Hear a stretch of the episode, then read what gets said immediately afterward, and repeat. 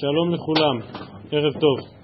אנחנו לומדים הערב בעזרת השם מדף כ"ג, ומדי פעם אני מדבר כאן על דפים שלא כל כך מתאימים ללימוד בדף היומי, בוודאי שגם הדף הזה נכלל בהגדרה הזאת, אבל, זה דבר נוסף שהזכרנו כאן יותר מפעם אחת, אחת המעלות של הדף היומי זה שאנחנו לומדים את הכל. כלומר, לעיתים יש דף שהוא לא מתאים לדף היומי כי יש בו סוגיות למדניות גדולות ושיעורים כלליים עמוקים וחשובים, ולפעמים יש דפים שעוסקים דווקא בסוגיות הגותיות, רעיוניות, מחשבתיות, חשובות לא פחות, עמוקות לא פחות, ובהקשר לדף שלנו הערב, גם מסובכות ומורכבות לא פחות. ונזיר דף כ"ג, בדגש על עניין גדולה עבירה לשמה יותר מאשר מצווה לשמה, ההיגד הכל כך טעון הזה, ולא רק הוא.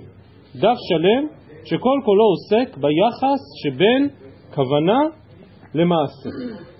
ואנחנו יודעים שהמעשה הוא העיקר, ואנחנו מצווים, אשר ברא אלוהים, לעשות, אנחנו מצווים על מעשה, אבל מצד שני, רחמנה לי בבית. ומה שווה מעשה בלי כוונה? ואיך אפשר בכלל לעשות מעשה בלי כוונה? והעיקר הכוונה, והעיקר הרצון, והעיקר הרחמנה לי בבית.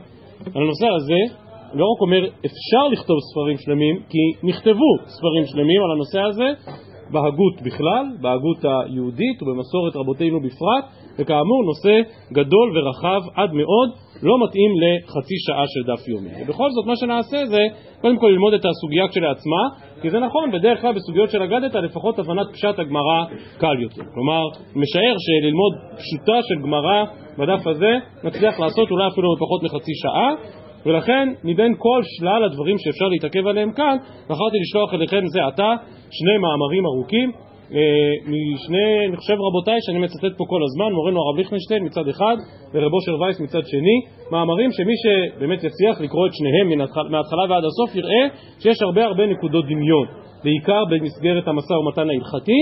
מאמרו של הרב ליכטנשטיין עוסק לא רק בהלכה של גדולה עבירה לשמה, ומתי מצאנו בדברי ראשונים ואחרונים, או אפילו בדברי חז"ל עצמם, שמאפשרים או נותנים איזושהי לגיטימציה כזו או אחרת לעבירה לשמה, הרב ליכטנשטיין כדרכו, אחרי הדיון ההלכתי עובר גם לדיון הערכי, המוסרי, הרעיוני, גם במקורות ההלכה, גם במקורות אחרים, אז שני המאמרים מוגשים לפניכם, נמצאים כאן לפניכם, ומי שרוצה בהחלט מוזמן לעיין בשניהם. כאמור, הכותרת של הסוגיה היא לא רק עבירה לשמה, אלא עבירה לשמה זה פרט אחד בתוך כל המערך הזה של בין כוונה למעשה. אחרי ההקדמה הקצת ארוכה הזאת, בואו נצא לדרך. אומרת המשנה דף כ"ג עמוד ד' האישה שנדרה בנזיר והייתה שותה ביין ומטמאה למתים, הרי זו סופגת את הארבעים. כי באמת יכול להיות שבהמשך הדרך בעלה עוד יפר לה את נדרה, אבל כל עוד לא הפר לה את נדרה, היא נזירה לכל דבר ועניין, וממילא אם היא שותה יין מטמא למתים, אחרי זה סופגת את הארבעים. כמובן שגם המשנה הזאת צוטטה במסגרת הדיון הקודם של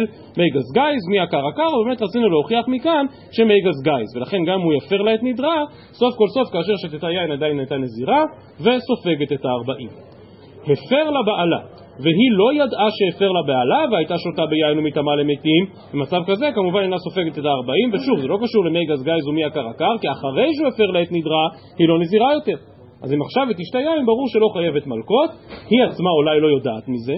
היא עצמה מתכוונת לעבור עבירה כי היא יודעת שהיא נזירה והיא באה ושותה יין אבל בפועל מתברר שלא הייתה כאן שום עבירה כי בעלה כבר הפר לה את נדרה רבי יהודה אומר אם אינה סופגת את הארבעים תספוג מכת מרדות. כלומר לדעת רבי יהודה נכון היא כבר לא נזירה אי אפשר להלקות אותה אבל סוף כל סוף יש כאן צורך בהענשה כלשהי. אומרת הגמרא, תנו רבנן, אישה הפרם והשם יסלח לה, ואישה שהפר לה בעלה והיא לא ידעה כתוב מדבר, שהיא צריכה כפרה וסליחה. עכשיו הגמרא כאן מצטטת את הפעם השלישית בפרשייה שם במטות, שהכתוב אכן אומר מפורשות והשם יסלח לה, ותראו כאן את הראש בפירושו ששואל למה הגמרא מצטטת את הפסוק השלישי, הרי לכל אורך אותה פרשייה במטות הדבר כתוב שוב ושוב, בכל פעם שהתורה מזכירה שאביה בהתחלה ואחר כך בעלה מפרים את נדריה, נאמר בפירוש והשם יסלח לה.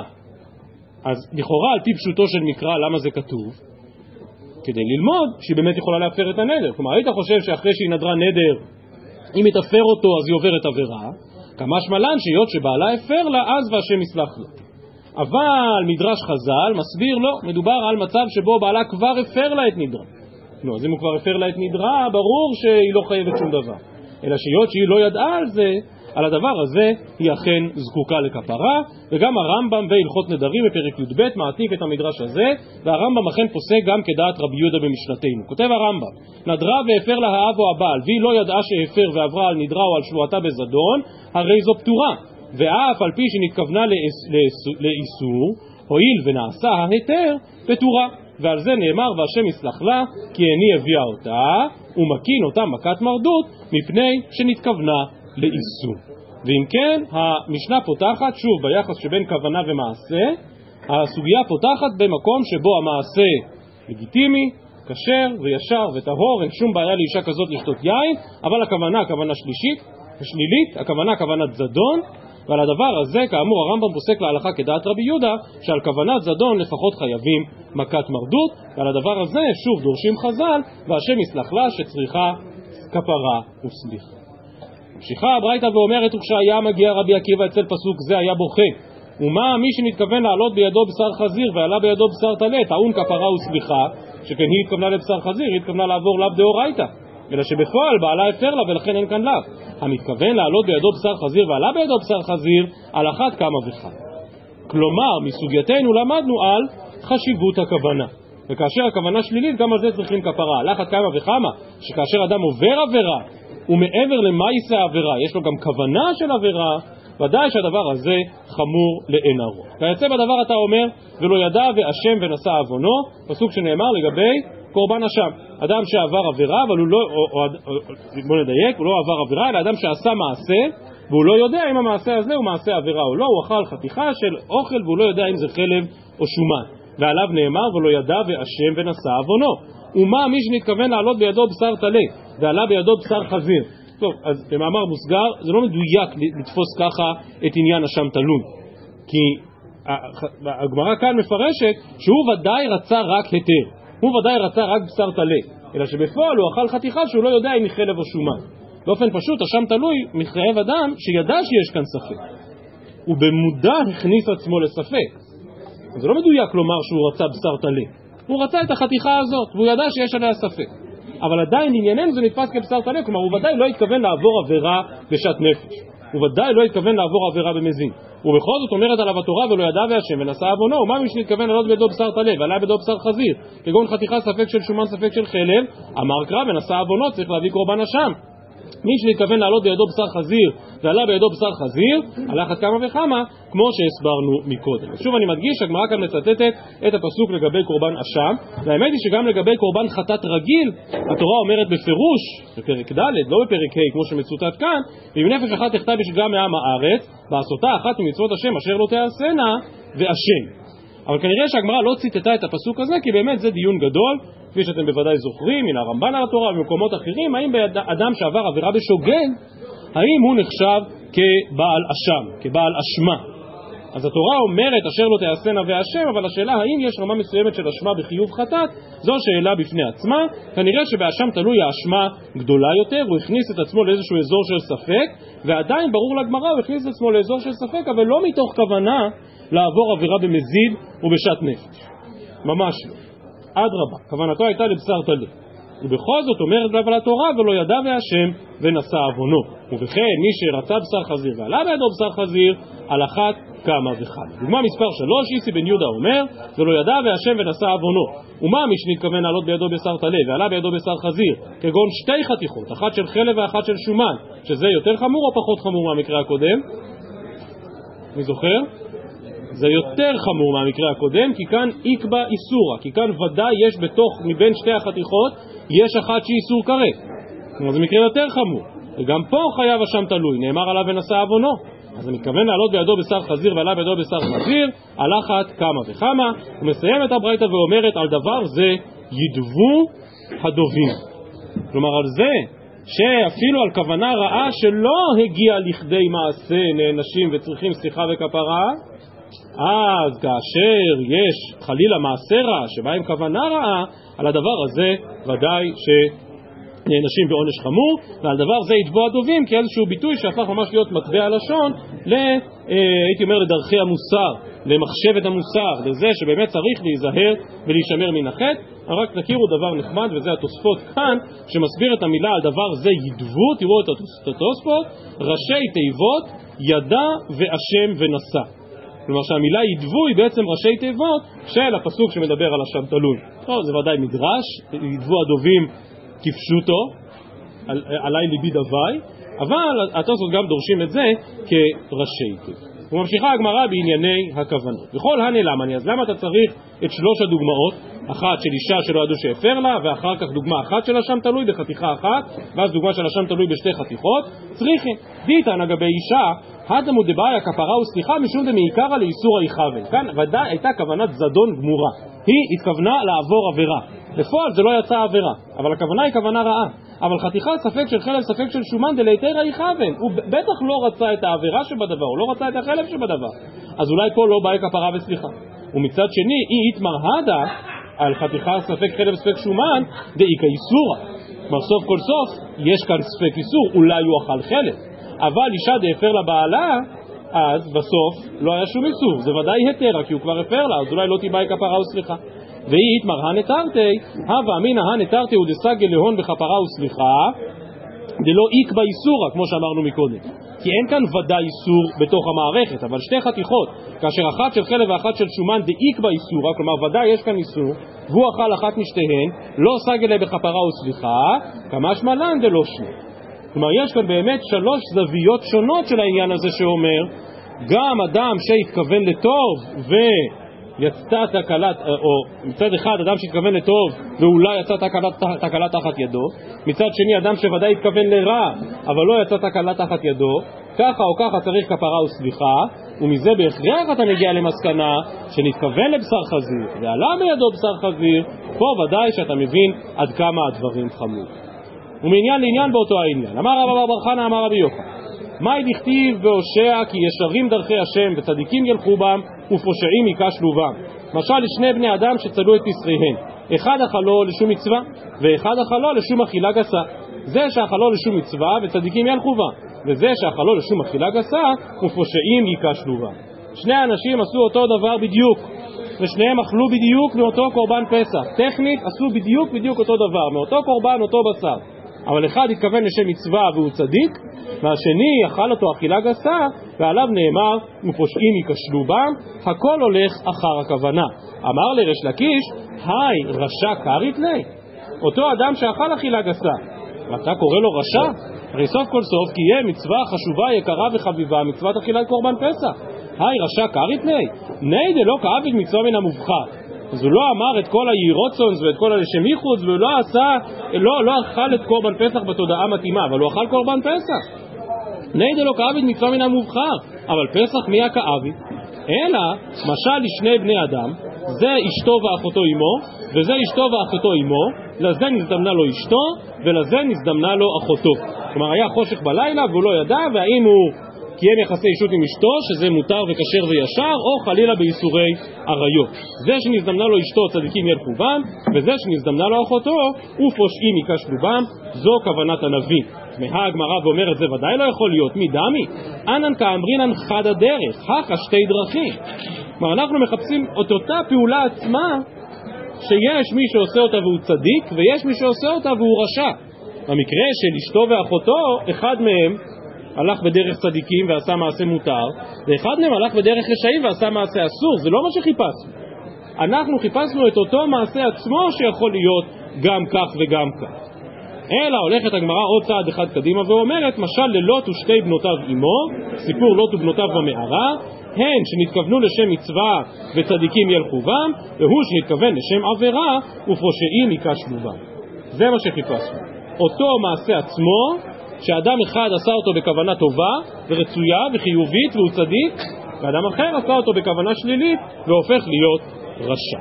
האם הגמרא דוחה לגמרי את העניין הזה של פסח? אז זה קשור לתפיסה של מהי בדיוק אכילה גסה, התוספות גם כאן, גם בסוגיה ביומא, בעוד מקומות, מסבירים שיש שני דינים, שיש שתי דוגמאות למושג הזה של אכילה גסה.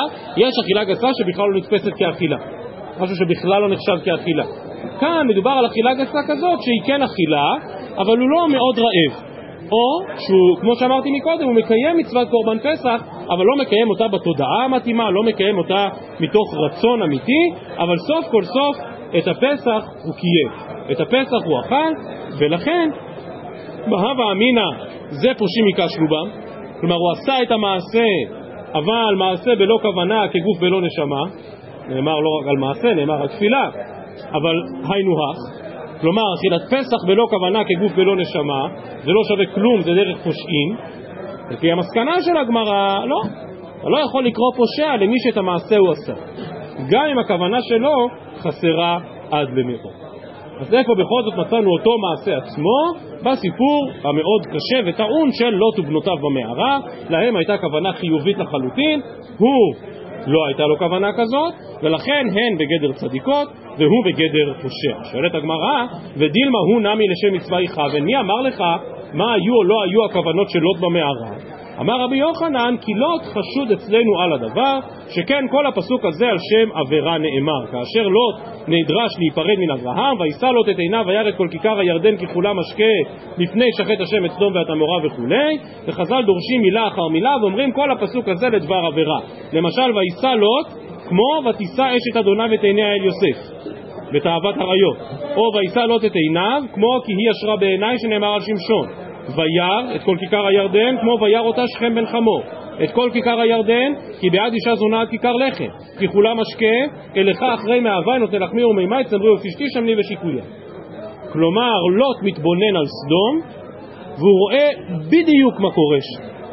זה לא שהוא חשב, טוב, מקום עם צמחייה ומקום מרעה, לא כי הכתוב עצמו והמדרש הזה, אף על פי שהוא מדרש אגדה, הוא מעוגן היטב בפשוטו של מקרא, שכן מה הפסוק הבא? ואנשי סדום רעים וחטאים להשם התורה עצמה אומרת את זה, ולכן מה שחז"ל עושים כאן זה לוקחים את הפסוק הבא, את ואנשי סדום רעים וחטאים, הם מכניסים את זה לתוך וישא לוט את עיניו וירא את כל כיכר הירדן וכולי וכולי. הוא יודע לקראת מה הוא הולך, והולך לזה בעיניים פקוחות. וממילא גם בסיפור במערה, אתה לא יכול ללמד זכות על לוט, אתה לא יכול לומר שדבריו של לוט נעשו בכוונה טהורה. ועדיין מתעקשת הגמרא ואומרת, והמינס אניס, מה זאת אומרת דבריו של לוט נעשו או לא נעשו בכוונה טהורה? דבריו של לוט נעשו בלי כוונה בכלל. הוא היה שיכור, לא סתם היה שיכור, הוא היה, הוא היה שיכור כלוט, הוא, הוא, לא, הוא, הוא, לא ידע כלום, והיה מיינס אניס. אומרת הגמרא, תנא משום רבי יוסי ורבי חוני, למה נקוד על ו' ובקומה של בחירה, לומר שבשכבה לא ידע, אבל בקומה ידע. אומרת הגמרא, טוב, מה יאבה ללה מעבד, מה ידעה ואהבה, הרי הבכורה כבר קמה. עונה הגמרא נפקא מינא דלפניה אחרינא, כלומר ערב לאחר מכן, לא יבאי למשתי חמא. וזה שלוט חזר על אותה טעות פעמיים, אחרי שהוא כבר הבין, אחרי שסר ממנו יינו, מה בעצם קרה כאן והוא לא נשמע, מכאן שמן הרגע הראשון, כוונותיו של לוט רחוקות מלהיות כוונות טהורות. ולכן על בנותיו נאמר צדיקים ילכו בם, ואילו על לוט עצמו נאמר ופושעים ייכשלו בם, דהיינו שלוט באמת הגיע ל...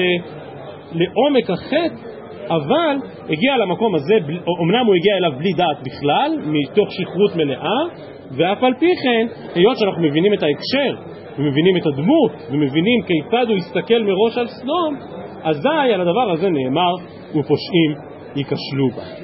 טוב, הנקודה הזאת, אני עושה לרגע אתנחתא, בסדר? רגע לפני שאנחנו עוברים מעמוד א' לעמוד ב', כמובן שלא תקפידו עליי, בסדר? אנחנו בכל זאת, אה, השבת כבר מברכין אדר, צריך להתחיל... אה, צריך להתחיל להתארגן וקצת להרהר, ואני חושב שסוגיה כזאת שמדברת על מעשה ועל כוונה ועל דת ועל מחשבה, אז ברשותכם רק כמה שורות מרב צודק מספרו מחשבות חרוץ, מדרוש מאוד מאוד ארוך לפורים, מדרוש י"ט שם. ואני מקריא את לשונו של רב צודק, בסדר? בלי להסביר, זה אתם תיקחו כשיעורי בית. ואותו הניצוץ הקדוש שיצאו למעלה מהדעת שלו, שהיה גנוז בהיעלם באותו יין שהזמינו להם מן השמיים במערה, מכוח יין המשומר, להוציא על ידי זה גם כן נפש דוד המלך עליו השלום, החי וקיים, הנמצא בסדום. כלומר, צריך להוציא איזשהו ניצוץ של קדושה שנמצא בסדום, והניצוץ הזה מגיע עד דוד המלך, ושמעתי בשם אחד קדוש, אומר רב צודק, דראשי תיבות בסדום, בסעודה דדוד מלכה. וכפי הנראה יש בזה טעם לשבח, כי אותה הסעודה של מוצאי שבת היא הסעודה של עצם הלו"ז וכולי וכולי, והוא מעין הסעודה דלעתיד שיהיה דוד המלך עליו השלום המברך בכוס של ברכה על היין המשומר בענווה. כלומר, יש איזושהי נקודה פנימית שמתעוררת דווקא כאשר הוא מגיע לשכבותה שלו, דווקא כאשר הוא מגיע עד כדי עד אלא ידע, ומשם הוא מצליח להתחבר לשורש דוד המלך, שכן מאותה מערה, מואב ורות וכולי, ומגיעים עד לדוד. ולכן כאשר אנחנו מדברים על כוונות, וכוונות נסתרות, וכוונות שהן אפילו למעלה מן הדעת, הרי שבסיפור הזה של לוט יש עוד להעריך הרבה מאוד. כמו שאמרתי, סגור סוגריים, ממשיכים. היות שהזכרנו את סיפור לוט במערה, מוסיפה הגמרא ודורשת על לוט. דרש רבא, מהי דכתיב במשלי, אך נפשע מקריית עוז, ומדיינים כבריח ארמון. פשוטו של מקרא הפסוק הזה מדבר לצערנו על תופעה שלצערנו פגשנו והכרנו, וזה על מאבק בין אחים, על מלחמה בין אחים. אך נפשע מקריית עוז, מפרשי הפשט שם במשלי קושרים את זה, לצערנו שוב, קורה במשפחות הכי טובות, לאיזשהו מאבק על ירושה. לאח נפשע מקריית עוז, אבא הלך לעולמו ועכשיו נהייתה כאן איזושהי קטטה בין ילדיו ומדיינים כבריח ארמון. המדיינים, המריבות שביניהם, ממש מייצרות איזשהו בריח, איזשהו מנעול, איזשהו מחסום בין שניהם. הגמרא דורשת את הפסוק הזה על שני האחים שנפרדו, מי הם האחים שנפרדו? כמובן אברהם ולוט. אח נפשע מקריית עוז, זה לוט שפירש מאברהם. ומדיינים כבריח ארמון, שהטיל מדיינים כבריחין וארמון, לא יבוא עמוני ומואבי בקהל השם. כלומר, הפרידה הזאת של לוט מאברהם, שסופה בהולדת מואב, סוף הסיפור זה לא יבוא עמוני ומואבי בקהל השם. דרש רבא ויתמר רבי יצחק, מהי דכתיב? זה בתחילת אותו הפרק במשלי, לתאווה יבקש נפרד ובכל תושייה יתגלה, זה פסוק שכבר הרבה יותר קשה להסביר אותו על פי פשוטו של מקרא, ולכן נתמקד בנוגע לענייננו. לתאווה יבקש נפרד זה לוט. כמו שאמרנו מקודם, שכל כוונתו של לוט מלכתחילה, כאשר בחר לו את מגורי סדום, שאנשי סדום רעים וחטאים להשם מאוד, כל כוונתו של לוט היא לממש את תאוותו. ולכן הוא נפרד מאברהם לצורכי תאווה. לתאווה יבקש נפרד, ובכל תושייה יתגלה, שנתגלה קלונו בבתי כנסיות ובבתי מדרשות, דתנן עמוני ומואבי אסורין, ואיסורן איסור עולם. התוספות כאן מדגישים, ובכל תושייה יתגלה, בכל התורה יתגלה קלונו, דהיינו בשתי התורות. תורה שבכתב, כי כתוב לא יבוא עמוני ומואבי, היינו בבתי כנסיות, ובתורה שבעל פה זה בבתי מדרשות, ששונים בהם עמוני ומואבי אסורין ואיסורן איסור עולם. כלומר, גם בתורה שבכתב, פסוקים עצמם, שזה בית, בית הכנסת, וגם בתורה שבעל פה, שזה בית המדרש, נגלה והתברר קלונו הגדול של זה כאן בעניינו של לוט, ושוב גם כאן הכוונה מאוד משמעותית, משום שהתורה בהחלט מלמדת זכות על בנותיו של לוט, שכל כוונתן הייתה לטובה, ועליהם נאמר צדיקים ילכו. אמר אולה, תמר זינתה, תמר כלתו של יהודה, וזמרי זינה. תמר זינתה יצאו ממנה מלכים ונביאים, זמרי זינה נפלו עליו כמה רבבות מישראל. כלומר, במבט מן הצד על המעשה כשלעצמו, זו זנות וזו זנות. במבט על הכוונות, כאשר תמר ראתה כי גדל שלה והיא לא ניתנה לו לאישה וכוונתה הייתה טהורה להקים זרע לחמש וכן הלאה וכן הלאה, אז זכתה ויצאו ממנה מלכים, כמובן דוד המלך, אבל גם נביאים, על פי מדרש חז"ל שאמוץ ואמציה אחים היו, כלומר גם משפחת המלוכה וגם משפחת הנבואה, שתיהן באו משבט יהודה, שתיהן באו מתמר. בהקשר הזה, כמו שהבטחתי מקודם, אמר רב נחמן בר יצחק, גדולה עבירה לשמה ממצווה שלא לשמה. נכון? יכול להיות שבמעשה הזה של תמר הייתה עבירה, נכון? במעשה של לוט ושתי בנותיו במערה, ודאי מעשה הבנות היה מעשה של עבירה, ובכל זאת במצבים מסוימים גדולה עבירה לשמה ממצווה שלא לשמה. תמהה הגמרא עוד לפני שנאמר מילה אחת על עבירה שלא לשמה, למה אתה מפחית בכוחה של מצווה שלא לשמה?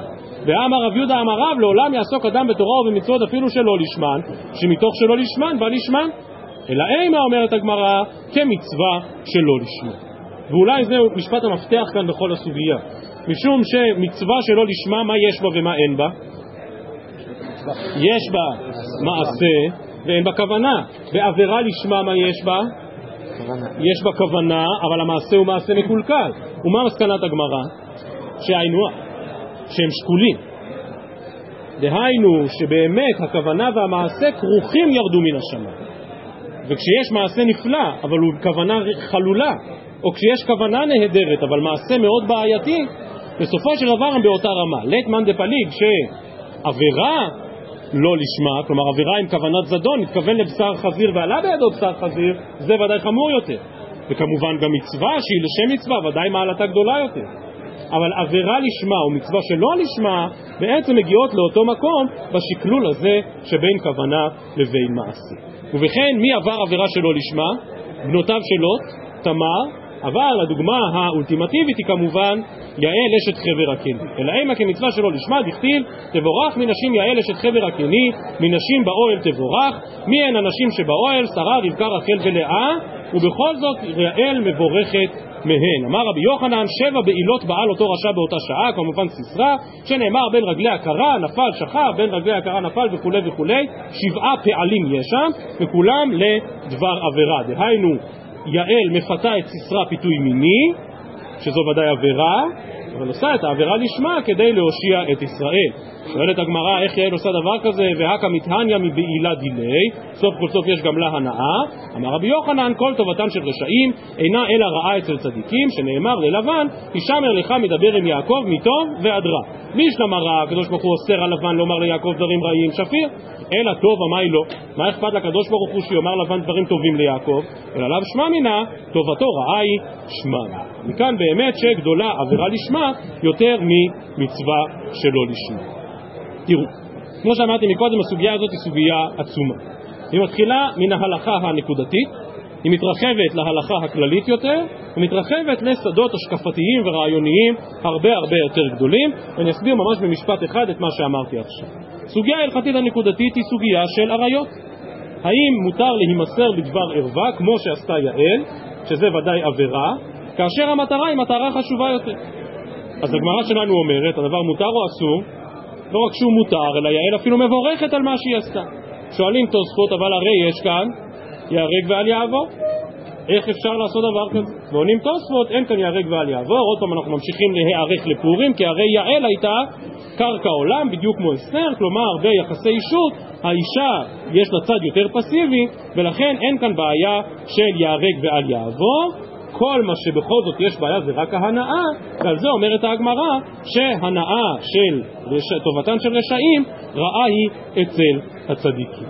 ואם כן, זה ההקשר הנקודתי של יחסי אישות, של עבירה שקשורה לעולם האישות, כדי להשיג מטרה יותר חשובה. ולצערנו ולדאבון ליבנו, לאורך ההיסטוריה, גם בראשונים וגם באחרונים, היו תשובות הלכה למעשה שנכתבו ממש על סיפור יעל. כלומר, על אנשים או ליתר דיוק נשים, שממש לא מסרו את נפשן אלא מסרו את גופן, וזה היינו הך, מסרו את גופן ואת נפשן כדי להציל אחרים על ידי מעשה של בעילה אסורה, והשאלה אם הדבר הזה מותר. והיו מן הפוסקים שאמרו שהדבר הזה מותר כדי להציל אחרים, והיו כאלה שאמרו שמה פתאום, והדבר הזה הוא איזושהי הלכה מיוחדת שנתחדשה ביעל, נתחדשה בסיסרא, נתחדשה ביעל, נתחדשה באסתר, כאשר מדובר על הצלת כלל ישראל, אבל ודאי שאי אפשר לדבר כאן על משהו נקודתי. אולי יש כאלה שחילקו בין הצלה של יחיד לבין הצלה של רבים. השיעור ששלחתי מקודם של רב אושר וייס מעריך הרבה בליקוט הדוגמאות שמדברות על העניין הזה. אז כאמור התחלנו מן השאלה הנקודתית של הסוגיה שלנו, איך מותר היה לייעל לעשות מה שעשתה, אבל מזה יש להתרחב בכלל לעניין הזה של עבירה לשמה בתחום של עריות. אלא שמכאן יש להתרחב עוד יותר למושגים אחרים של עבירה לשמה ולעוד מושג שרב אושר שם באותו שיעור רואה אותו ממש כשווה ערך לעניין של עבירה לשמה וזה העניין של עת לעשות להשם הפרו תורתך. ורב אושר שם מלקט גם מדברי חז"ל וגם מדברי הראשונים והאחרונים מתי מצאנו שבאמת הפרו תורתך. שמותר להפר אות מן התורה כדי להשיג איזשהו הישג הרבה יותר נרחב וגדול וחשוב. אז שוב, זה לא נושא לחצי שעה, כי יש המון דוגמאות. ויש המון מה לדבר על היחס בין הדוגמאות, והן דומות אחת לשנייה או לא דומות אחת לשנייה, ושם בשיעור של רב אושר באמת אפשר למצוא הרבה הרבה חומר על העניין הזה. אבל כמו שאמרתי, ברור שהשאלה הזאת היא גם שאלה ערכית והשקפתית. רב אושר בשיעור מדבר על זה בקצרה, והרב ליכטנשטיין במאמר ששלחתי מדבר על זה בצורה הרבה יותר רחבה וארוכה, שכן הביטוי הזה, גדולה עבירה לשמה, הוא לא פחות מאשר חומר נפץ. הוא לא פחות מאשר חומר נפץ. הוא כבר היה לעולמי. השיעור, אני חוזר אותו לשיעור של רב אושר ששלחתי, נפתח בשני מקורות שאומרים ודאי שנזיר כ"ג, ודאי שהביטוי גדולה עבירה לשמה הוא לא להלכה ולא למעשה. לא יכול אדם להחליט שהוא עובר עבירה כי יש לו כוונות עליונות, כי הוא רוצה בעבירה הזאת להשיג דברים נשגבים, ורב אושר פותח בשתי ציטטות. ציטטה אחת מהרמח"ל, וציטטה שנייה מרב חיים מוולוז'ין.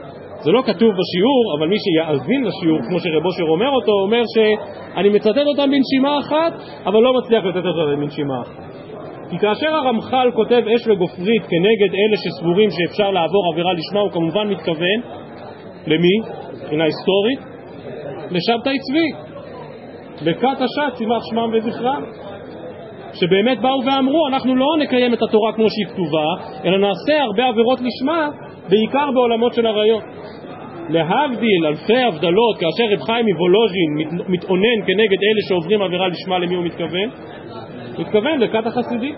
חלילה, חלילה, חלילה, לא יעלה על הדעת להשוות בין שבתאי צבי לבין החסידים, אבל הסוגיה הזו היא סוגיה טעונה מאוד. היא סוגיה חמורה מאוד. כאשר באו חסידים וחלילה, חלילה, שוב, לא כמו שבתאי צבי, אבל אמרו אפשר להתפלל לא בזמן תפילה. כי רחמנא לי בבית. האם זו עבירה לשמה, או שזו אולי בכלל לא עבירה? אם תגדלו קצת אחורה בגוגל, אז לפני כמה שנים נתתי כאן שיעור בבית המדרש על מחלוקות הלכתיות שבין חסידים למתנגדים, ודיברנו בדיוק על הנקודה הזו.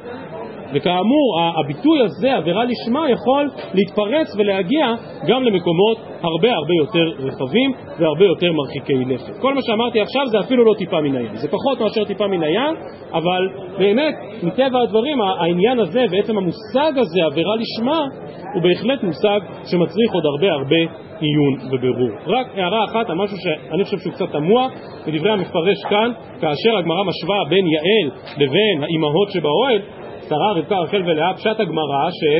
שכמובן אמותינו הקדושות, והיה שרה אשתך ויאמר הנה באוהל, אמותינו הקדושות הן אלה שיושבות באוהלים, ויעל, שעשתה עבירה לשמה, חשובה כמותן. רש"י כאן מבין, המפרש כאן מבין, שהגמרא כאן מותחת ביקורת על שרה רבקה, ולכן לא צריך להזכיר את, את לאה, אלא, סליחה, לא צריך להזכיר את רבקה. יש כאן ביקורת על שרה, רחל ולאה, מה משותף לשלושתן? שגרמו לבעל שלהם להתחתן עם השפחה משיקולים אלה ואחרים, ואז אומר המפרש, הם באמת עשו מצווה שלא לשמה. ולכן משווים אליהם את יעל שעשתה עבירה לשמה. רק אני מעיר על הפירוש הזה כדי שתכירו, אני חושב שזה ממש לא פשט הגמרא, כמעט שהייתי אומר שזה פירוש שהוא קצת תמור. אז רק נשלים את ענייננו. אומרת הגמרא, כ"ג עמוד ב', גוף אמר רב יהודה אמר רב, לעולם יעסוק אדם בתורה ובמצוות אפילו שלא לשמן, שמתוך שלא לשמן, בא לשמן. שבשכר 42 קורבנות שהקריב בלק הרשע, מפרשים כאן עושים את החשבון, למה 42? כי זה שבעה מזבחות, שלושה קורבנות בכל מזבח, אה, כפול שלוש פעמים, אה, בסופו של דבר מגיעים, לא, סליחה, שני קורבנות, פר ועין, סליחה, שבעה מזבחות שני קורבנות זה 14 קורבנות, משלושה מקומות בדיוק 42 קורבנות, שבשכר 42 קורבנות שהקריב בלק הרשע, זכה ויצא ממנו רות. למה הקשר בין רות לבין בלק? ואמר רבי יוסף ברבי חנינא, רות בת בנו של עגלון מלך מואב הייתה. כנראה עגלון קשור לבלק, זה שושלת המלוכה המואבית, ובסוף הגענו גם לרות, כמובן עוד הרבה דורות. התוספות כאן מעירים שכמובן רות לא ממש הייתה נכדה של עגלון, כי רות הייתה 200 שנה אחר כך, אבל הכוונה אותה משפחה. אמר רבי חייא בר אבא אמר רבי יוחנן, מניין שאין הקדוש ברוך הוא מקפח אפילו שכר שיחה נאה, דאילו בחירה, אנחנו חוזרים לבנות לוט, בכריתי מואב, כלומר מאבא, אמר לרחמנה אל תצר את מואב ואל תיגר במלחמה, מלחמה עוד לא, אבל צאורי צערינן, כלומר מותר לצער את מואב. ואילו צעירה דקריתי בן עמי, שהיא לא מזכירה את אבא שלה בפירוש, אמר לי אל תצורם ואל תתגר בם, אפילו צעורי לא תצערינן כלל. אבל נחזור להשקפה, בסדר, כאן הגמרא מותחת ביקורת, על, לפחות על הבחירה. אבל כמו שראינו מקודם, על בנות לוט במערה נאמר צדיקים ילכו בה. ועכשיו באמת הגמרא חוזרת לעניין האופטימי יותר, אמר רבי חייא בר אבין אמר רבי יהושע בן קורחה לעולם יקדים אדם לדבר מצווה, שבשכר לילה אחת שקדמה בחירה לצעירה, זכתה וקדמה ארבעה דורות בישראל למלכות. שכן דוד היה ארבעה דורות לפני רחבעם, שהגיע מן האמה ההמונית, ולכן מואב הגיעו למלכות אצל דוד עוד לפני שהגיעו לרחבעם. אני רק רוצה לסיים דיברנו הרבה על עבירה לשמה, אבל לאורך כל הדרך, כמו גם בגופה כאן בדף כ"ג עמוד ב', הגמרא מדגישה לא פחות לא את העניין של עבירה לשמה, אלא דווקא את העניין של מצווה שלא לשמה. וגם מצווה שלא לשמה היא חשובה, כי אף על פי שרחמנא לי בבית, ואף על פי שהכוונה והרצון וההשתוקקות והדבקות הם נשמת המצווה, אבל עדיין יש חשיבות גם למצווה שלא לשמה. מהי מצווה שלא לשמה? התוספות כאן, כמו בהרבה סוגיות אחרות, מחלקים בין שני סוגים שלא לשמה. עוברים תוספות כאן, דף כ"ג עמוד ב', ואם תאמר ואמרינן בעלמא עוסק במצווה שלא לשמה, נוח לו שלא נברא. הרי לעסוק שלא לשמה זה, זה ממש, זה לא רק מצווה פחות טובה, זה עוקר את כל מהות המצווה. ויש לומר, אומרים תוספות, דעת המיירה שעוסק בתורה שלא לשמה, לקפח אחרים. כלומר, אתה לומד רק כדי להתנצח, רק כדי להתנגח, כדי לעשות שימוש לרעה בתורה. על זה נאמר, נוח לו שלא נברא. אחר כך אמר שעוסק בתורה שלא לשמה, להתגדר, לקנות שם. כלומר, אדם באמת לא משתמש בזה לכוונות רעות, אבל ודאי לא עושה את זה לשם שמיים, ולא עושה את זה לשם התורה. אז זה לא טוב, אבל מתוך שלא לשמה יבוא לשמה. הפירוש הזה של התוספות הוא בדיוק פירושו של הרמב"ם. שכן גם הרמב"ם מביא את העניין הזה של מצווה שלא לשמה, ומתוך שלא לשמה בא לשמה. מי זוכר איפה הרמב"ם מביא את זה? הרמב"ם מביא את זה בסוף הלכות תשובה. בפרק י' מהלכות תשובה, כאשר מדבר הרמב"ם על כל המידה של אהבת המקום, שם כותב הרמב"ם, כל העוסק בתורה כדי לקבל שכר או כדי שלא תגיע עליו פורענות, הרי זה עוסק שלא לשמה.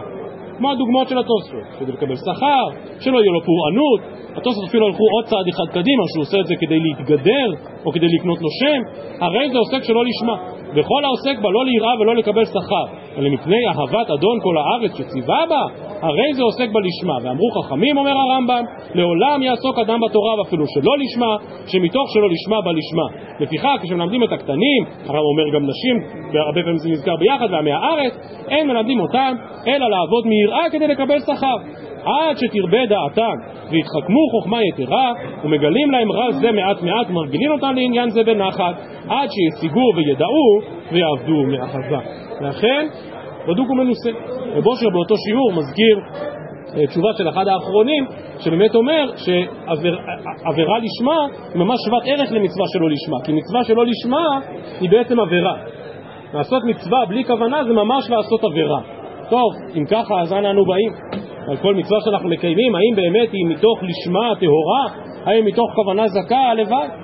הלוואי, שנזכה כולם.